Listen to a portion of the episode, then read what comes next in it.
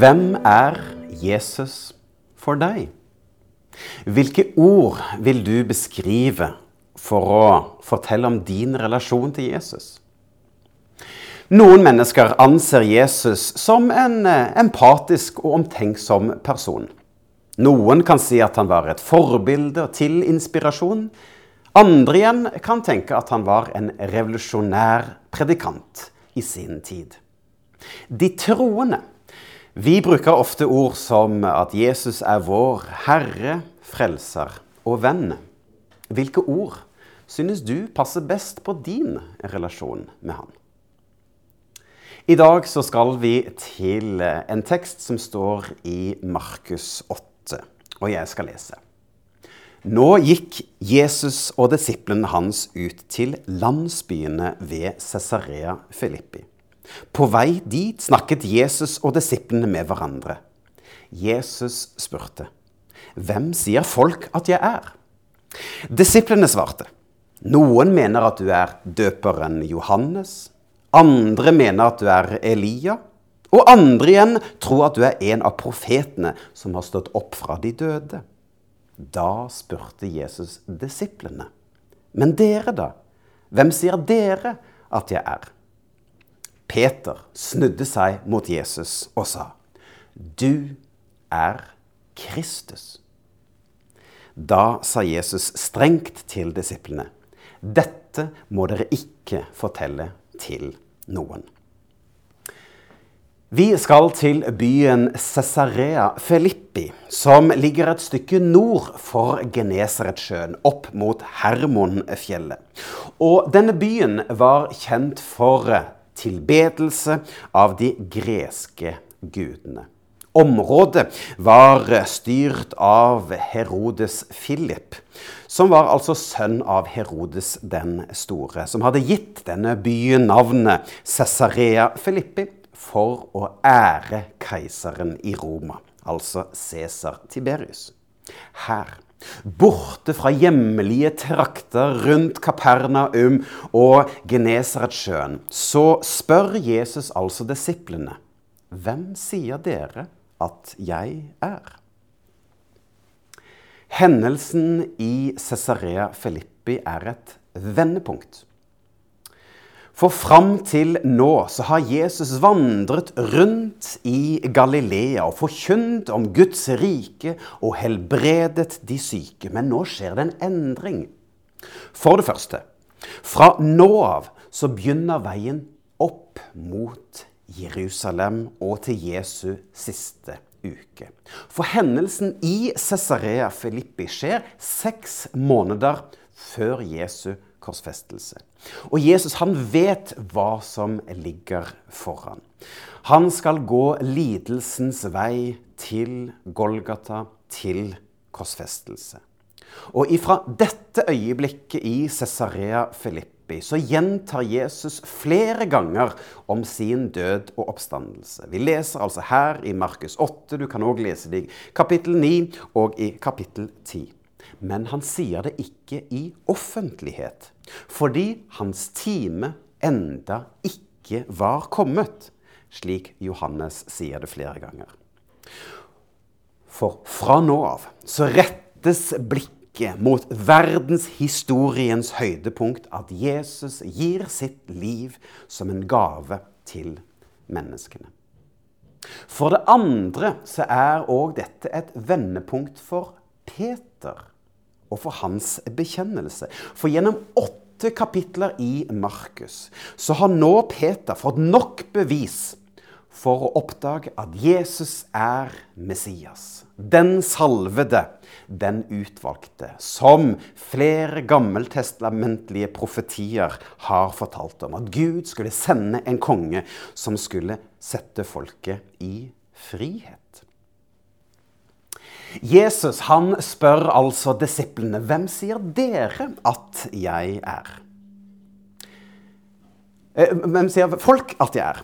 Mange trodde at Jesus var en stor profet som var vekket til live. Mosebøkene forteller nemlig at Gud skulle reise opp en profet blant folket. Andre trodde at Jesus var profeten Elia, siden Det gamle testamentet profeterte nemlig at Elia en dag skulle komme tilbake. Noen bibelforskere kobler òg Elia og Moses opp mot de to vitnene som vi kan lese om i Johannes' åpenbaring om endetiden. For disse to skikkelsene de representerer hele Det gamle testamentet. Moses representerer Moseloven, og Elia representerer profetene. Andre mennesker, ja, inkludert da Herodes Antipas, trodde at Jesus var døperen Johannes som var blitt vekket til live igjen. Fordi at døperen Johannes hadde blitt tatt av dage for en stund siden. Og døperen Johannes hadde fått en heltestatus, og mange trodde derfor at Jesus nettopp kunne være da døperen Johannes. Folk så ikke Jesus som Messias, den ventende kongen som skulle konge, komme. For de hadde nemlig sett for seg at Messias var en politisk konge som skulle være med å utfordre og kaste ut den romerske okkupantmakten. Peter han tar til orde og proklamerer at Jesus han er Messias, Guds sønn, når han sier 'Du er Kristus'. Hvem er Jesus for deg? Det sies at i Bibelen så finnes det 198 ulike navn og titler på Jesus. Og hver av disse navnene eller titlene det sier noe om hvem Jesus er. Om hans egenskaper, personlighet, oppdrag og autoritet. Og hver tittel blir på sett og vis en slik puslespillbrikke som sier noe om hvem Jesus er.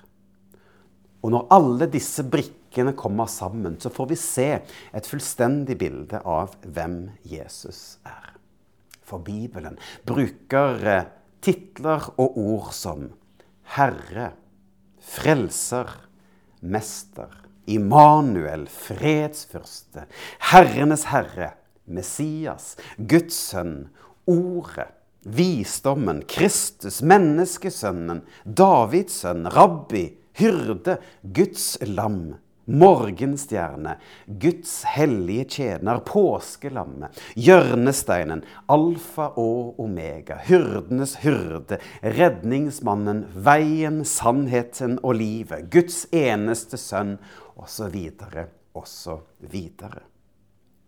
I dag har jeg lyst til å si litt mer om to vanlige titler som blir brukt på Jesus. Den første, det er Kristus. For ordet Kristus er gresk og kommer fra det hebraiske ordet Messias. Som betyr 'den salvede'. Og Dette henspiller på de gammeltestamentlige profetiene om en kommende skikkelse som skulle være både konge, prest og profet. Og det finnes en rekke profetier i Det gamle testamentet på at Gud skulle sende Messias. Kong David var et forbilde på denne Messias. For han var en konge som kom med fred. Helt ifra Mosebøkene, og spesielt i Jesaja, så kan vi lese om at det skal komme en som skal gjenopprette dette riket. For Messias, han skulle komme som en frelserkonge og knuse fienden og skape en ny nasjon og en ny storhetstid. Og mange jøder på Jesu tid ventet på at en konge skulle komme for å frigjøre dem fra de romerske okkupantene. Men den sanne Messias som kom, ja, slik som Jesaja sa, han kom for å forkynne evangeliet for fattige. For å helbrede dem som har et knust hjerte. Og for å helbrede For å rope ut frihet for fanger. For at blinde skulle få syn igjen. For å sette undertrykte fri. For å rope ut et nådens år fra Herren. Og akkurat disse ordene er altså de ordene fra Jesaja som Jesus leste opp da han begynte sin gjerning i Galilea ved å undervise i synagogen, som vi kan lese om i Lukas 4. Jesus Kristus, som er Messias. Vi skal òg dykke litt dypere i en annen tittel, og det er tittelen 'Menneskesønnen'. For det er nemlig den vanligste tittelen som Jesus bruker på seg selv. Og dette begrepet det viser at Jesus er Guds sønn i menneskeskikkelse. Både sann Gud og sant menneske. Han er broen mellom Gud og menneske. Og det peker på han, hans medmenneskelighet og solidaritet for menneskeheten. Uttrykket det kommer bl.a. fra Daniels bok kapittel 7, som er en betegnelse på en himmelsk figur som i de siste tider både har autoritet og kraft. Profeten Esekiel bruker ordet menneskesønnen hele 90 ganger. Men da bruker han det om seg selv. Og Esekiel er nemlig et forbilde for den kommende Messias. Men Jesus han utvider da denne betydningen om å være den salvede Messias. For han er både den salvede Messias, den lidende tjener, men òg den høyeste av de hellige. Og det er derfor Jesus i Markus 14 sier til øverste prestene under Det høye råd, hvor han blir forhørt dere skal få se menneskesønnen sitte i kraft ved Guds høyre hånd og komme med himmelens skyer. Disse ordene peker både bakover og framover. For de peker tilbake på alle disse gammeltestamentlige profetiene om hvem Jesus er. Men òg det peker framover mot hvem Jesus er i de siste tider når han kommer tilbake. Ulike titler på Jesus kan altså sammenlignes med ulike puslespillbrikker for å oppdage mer hvem han er. Og noen puslespillbrikker er sentralt plassert mens andre er mer plassert i periferien. Men alle disse brikkene er med på å skape et bilde av hvem Jesus er. Og tar man opp kun én brikke og ser kun på den, så mister man helheten. F.eks. så kan man ta opp denne brikken at Jesus er min venn, som fokuserer på at Jesus er der, nært sammen med meg, og jeg har en personlig relasjon med meg. Han tar del i både gleder, sorg, lidelse og alt det jeg opplever. Men denne brikken, den mangler jo noe av at Jesus er den hellige, det himmelske og det allmektige som er ved Jesus. Så Derfor vil en annen brikke være òg med å komplementere. Jesus som min frelser snakker om frelsen og om nåden. Om at Jesus ga sitt liv for meg for at jeg skulle få lov til å få kontakt med Gud, men òg få lov til å få et evig liv sammen med Han. Men det mister litt om den personlige relasjonen med Jesus som vi inviteres til.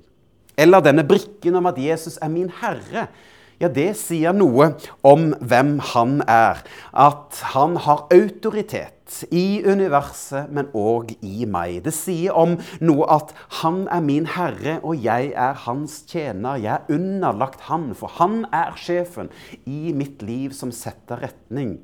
Men det òg kan miste noe av dette personlige, fordi at det sier noe om å være underlagt, men ikke dette nære. Så her er mitt poeng i min prekken vendepunkt. At når vi tar tak i de ulike titlene og navnene på hvem Jesus er, så får det lov til å være med å utvide vår forståelse og vår opplevelse av hvem Jesus er. Og da er det fint å utforske flere av disse sidene. For Peter så ble altså hendelsen i Cesarea Filippi et vendepunkt. Der han fikk lov til å bekjenne at han så og oppdaget at Jesus er Messias, Guds utvalgte. Og på samme måte kan du og jeg òg oppdage mer ved å dykke ned i hvem Jesus er. Jeg har lyst til å avslutte denne preken med å lese en sangtekst som har vært sunget i kirkelige sammenhenger i mange, mange år. Og den teksten, den er slik. Min Jesus lever, derfor vil jeg leve. Min Jesus lever, derfor er jeg trygg. Min framtid er i Jesu hender. Mitt liv er verdt å leve fordi han elsker meg. Gud ga sin sønn. Hans navn er Jesus. I kjærlighet kom han til vår jord. Han ga sitt liv for å gi meg frelse. Hans tomme grav beviser at han lever i dag. For min Jesus lever. Derfor vil jeg leve. Min Jesus lever. Derfor er jeg trygg. Min framtid er i Jesu hender. Mitt liv er verdt å leve, for han elsker